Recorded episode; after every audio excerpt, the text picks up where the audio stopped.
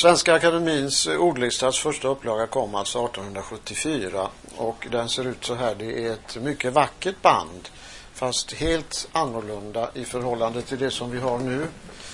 Det som vi har nu är en liten aning högre men framförallt naturligtvis väldigt mycket tjockare för att ge många fler ord i det. Eh, och så har vi ju den här akademiblå färgen numera medan man den gången hade ett snyggt eh, vad ska man kalla detta, gulbrunt med band med, med guldtryck på. En väsentlig skillnad mellan de här är ju att antalet ord är helt annorlunda då och nu. Här är det ungefär 34 000 uppslagsord medan det i den här är 125 000. Och eh, det är många andra saker som skiljer men det är ju en väsentlig skillnad. Eh, det finns i den här första upplagan en ganska stor mängd ord som inte används längre. Eh, jag har tidigare tagit e-, ett exempel som jag gärna nämner för er också, nämligen ordet hävel. Jag vet inte om det är någon här som vet vad en hävel är. Det stavas den här gången H-E-F-V-E-L, hävel. Det betyder en, en stång som man bär hö på ett slags höstång och det är alltså då utomordentligt karaktäristiskt naturligtvis för 1870-talet, den gamla tiden. Om man ska karaktärisera den här upplagan på liknande sätt med något ord som börjar på H-Ä så kan jag välja hämtpizza. Och jämför man de här två så märker man också det som jag kommer tillbaka till längre fram att det händer någonting med ordförrådet efterhand som tiden går. Det är helt enkelt så att ordförrådet ger en bild av samhällsutvecklingen.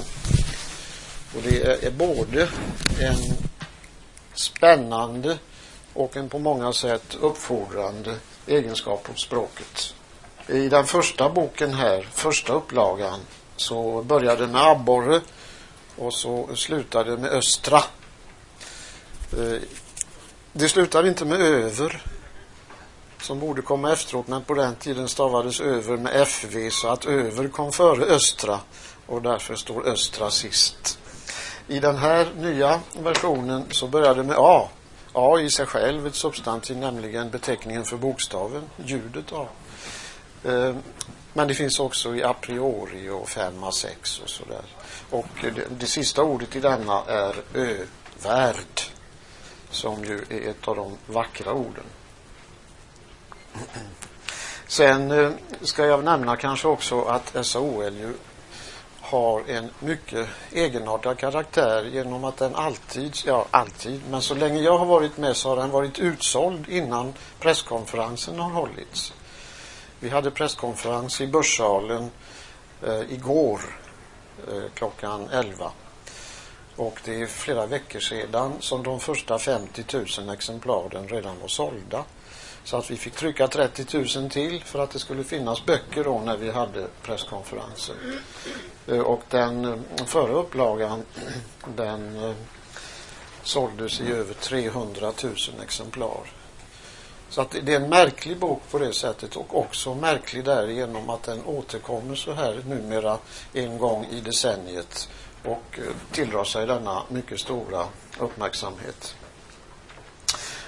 Om vi nu tänker på nyheter så tror jag man ska börja i den föregående upplagan, den 12 som kom 1998. Därför att då var det första gången som Akademins ordlista ställde upp orden i bokstavsordning. Det låter väldigt konstigt och det är lite konstigt också. Eh, men det hade ju den bakgrunden att man ville hålla ihop sådana ord som hade samma förled. Ett av de vanliga exemplen som vi gärna tar i redaktionsarbetet är skaldjur. Många ringde och frågade varför inte ordet skaldjur står i ordlistan. För då läser man skal, skala, skald, skaldisk och så ska skaldjur komma där, men det gjorde det inte. Därför att det stod under skal. Där fanns skalbank och skaldjur och alltihopa detta. Och eh, i och med att man då inte tänkte på den uppställningen så tyckte vi det var mycket bättre att göra en riktig bokstavsordning av alltihopa. Och det gjorde vi förra upplagan den 12 1998. Det innebar att ordlistan blev betydligt tjockare. men å andra sidan så slapp vi en väldig massa frågor om ord som visserligen stod där men ansågs inte stå där. En annan sak som var väldigt viktig i förra upplagan det var att vi införde små diskreta lodstreck i uppslagsorden som markerade var gränserna i ordbildningen går. Eh, olycksfallsförsäkring, vet ni, det består av många delar som vi kan identifiera. Språkbrukare, då språk, bruk, arre. Och med hjälp av de där små tecknen så kan man hjälpa läsaren att förstå vilket ord man avser. Är det glasskål eller glasskål? Ja, det beror på hur man markerar det då. Och så sa vi oss att detta är en mycket bra modell för att avstava. Det är bättre att avstava språkbrukare än att avstava språkbrukare som alltså strider mot ordets uppbyggnad. Och den här morfologiska avstavningen den håller vi fast vid i denna, den trettonde upplagan. Men så finns det en nyhet som är utmärkande för just denna upplaga. Och det är det att vi för första gången erkänner W som egen bokstav, självständig bokstav. Det, den har i praktiken varit det länge, men i olika typer av uppslagsverk så har man samsorterat enkel-V och W. Men enkel-V och dubbel v har olika karaktär i språket. Så man kan skilja svinga med enkel-V från svinga med dubbel v. Det är två helt olika saker. Twist och twist och så vidare. Och alla de här som heter Valin med enkel-V och Valin med dubbel v är olika personer, olika släkter och så vidare. Så att denna bokstav har en självständig karaktär och vi erkänner nu detta och följer därmed en gammal svensk standard som dock aldrig har slagit igenom tillräckligt och ansluter oss till danskan och norskan och tyskan och engelskan och så vidare som har S, T, U, V, W, X, Y, Z. 29 bokstäver. Och detta är den mest karaktäristiska eh, ändringen, tror jag, eller nyheten i det här fallet. Sen är det ju så, givetvis, att vi arbetar med elektroniska metoder. Ja, det är klart. Först och främst skallen men, men också elektroniska metoder. Och eh, det gör ju att vi har en databas som innehåller hela ordlistan. Vi har ett setband från vilket den här boken är tryckt. och inom kort vill jag nog säga så kommer också en eh, CD eller DVD-version och eh, så snart som möjligt ska vi också lägga ut den i någon form på nätet.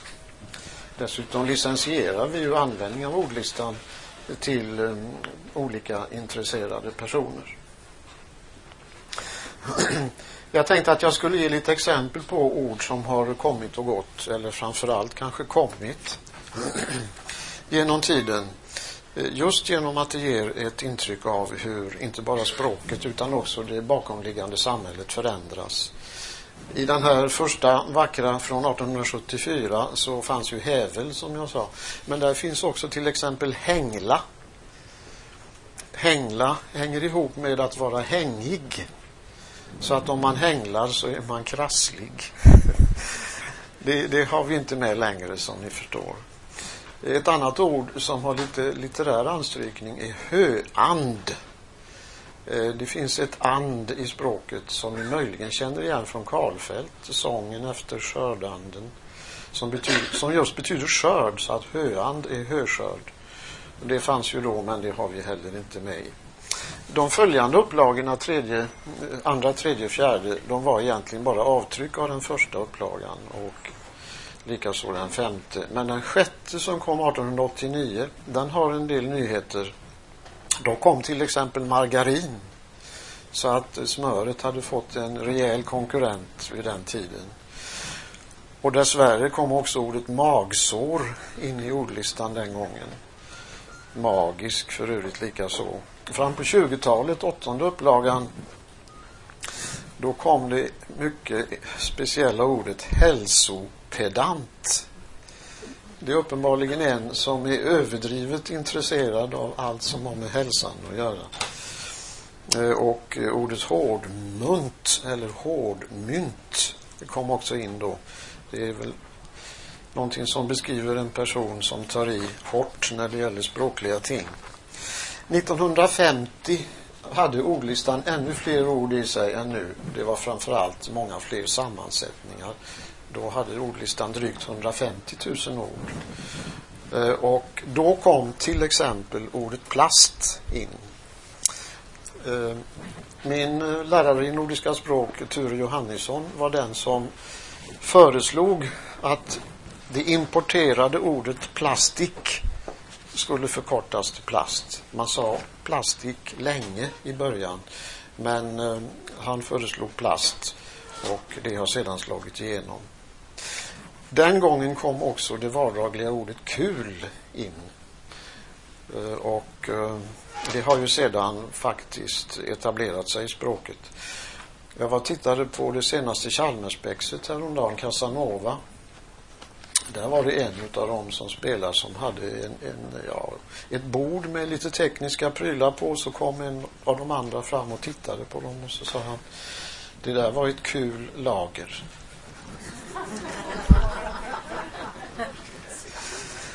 Ja, de kan. Så har vi då tionde upplagan 1973. Då kommer terrorbalansen. Första gången som ordet är med i ordlistan. Då kommer också ordet supermakt in. Men å andra sidan kommer också välfärdssamhälle in. Och det är ju då en benämning av annan karaktär. Jag kommer fram till 12 upplagan 1998. Eh, och eh, det ligger så nära så att då känner vi igen många av de här nyheterna. Ja, bland annat kom bogvisir in då beroende på den kända olyckan. Men även bokmässan dök upp i ordlistan för första gången. Och så, vilket inte är så vanligt, en del ord som är mycket korta. Eh, alltså som har ett enda grundmorfem egentligen. Chatta är ett sådant. Och föna som man gör med håret kanske. Euro som beteckning för mynt kom in då. Eh, och sen detta som börjar på Z och, och uttalas sappa när man sitter med fjärrkontrollen och kryssar mellan kanalerna. Jag ska inte undanhålla er vad en av mina vänner sa att Homo sapiens i fortsättningen borde stavas med Z.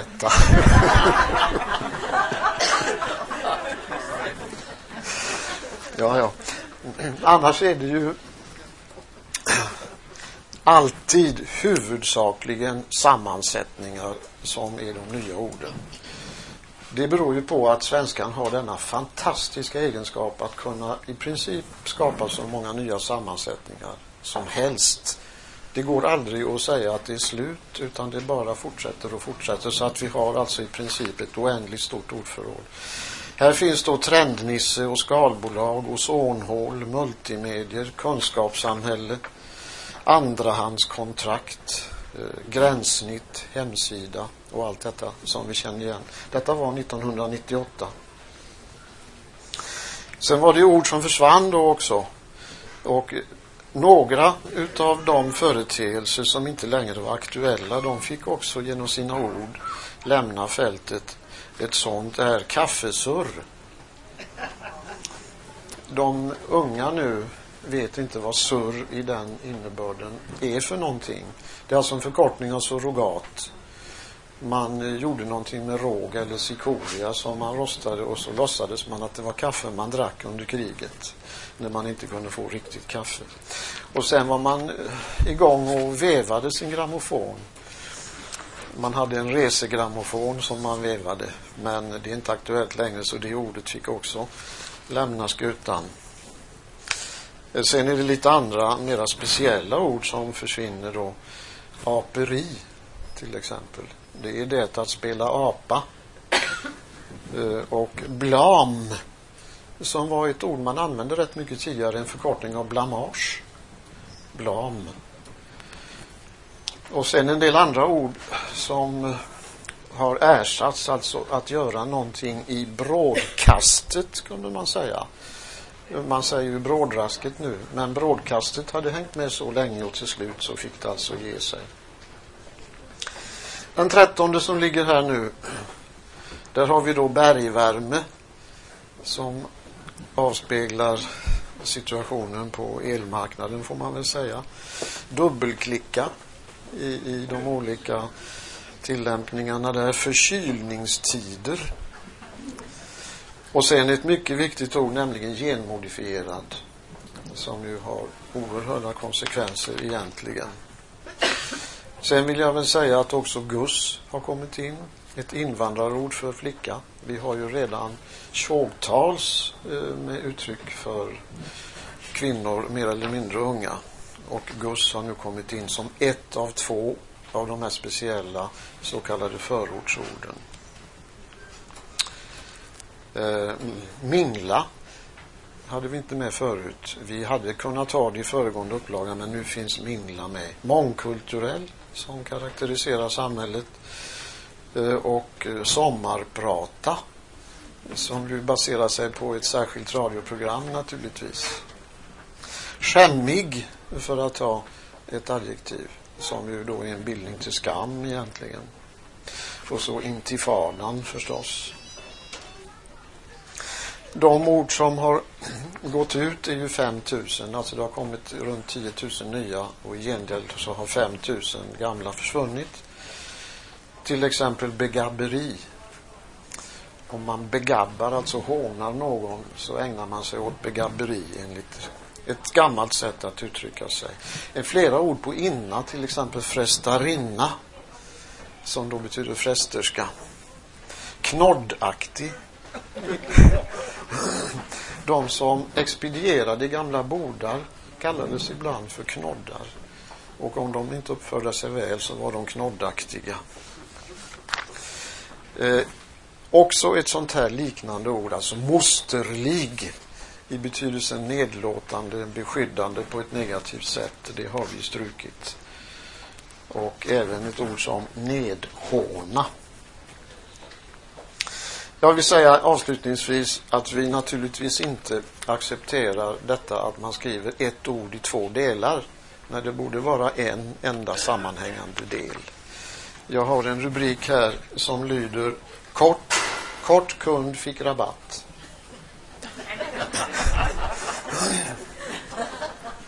I ordlistan är det ju kortkund som gäller. Och eh, ja, sjuk sköterska istället för sjuksköterska och sådant. Visa fram fötterna. ja, ja. Kassa, terminaler.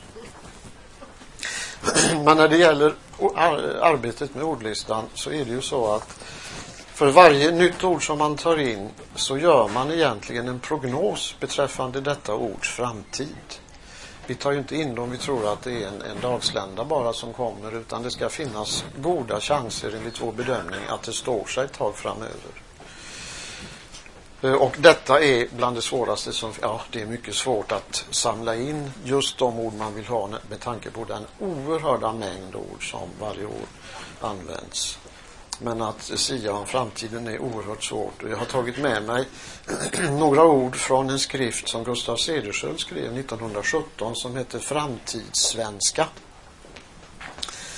Där föreslår han att man ska börja använda ordet nysnö. Och det har ju gått bra. Han tycker vi ska använda skyskrapa istället för skyskrapare som man sa från början efter skyscraper då. Och han tyckte vi skulle använda översåtar som motsats till undersåtar. Och det har vi ju också accepterat. Motsägelsefull, föreslog han. Och dödtråkigt. Och båda de används ju.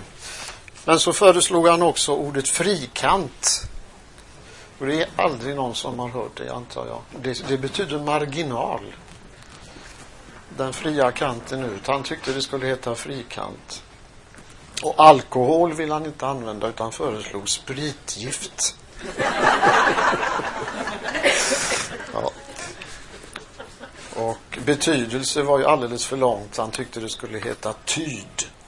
Och jag har hört en del gamla nordister säga tyd, men det har aldrig slagit igenom.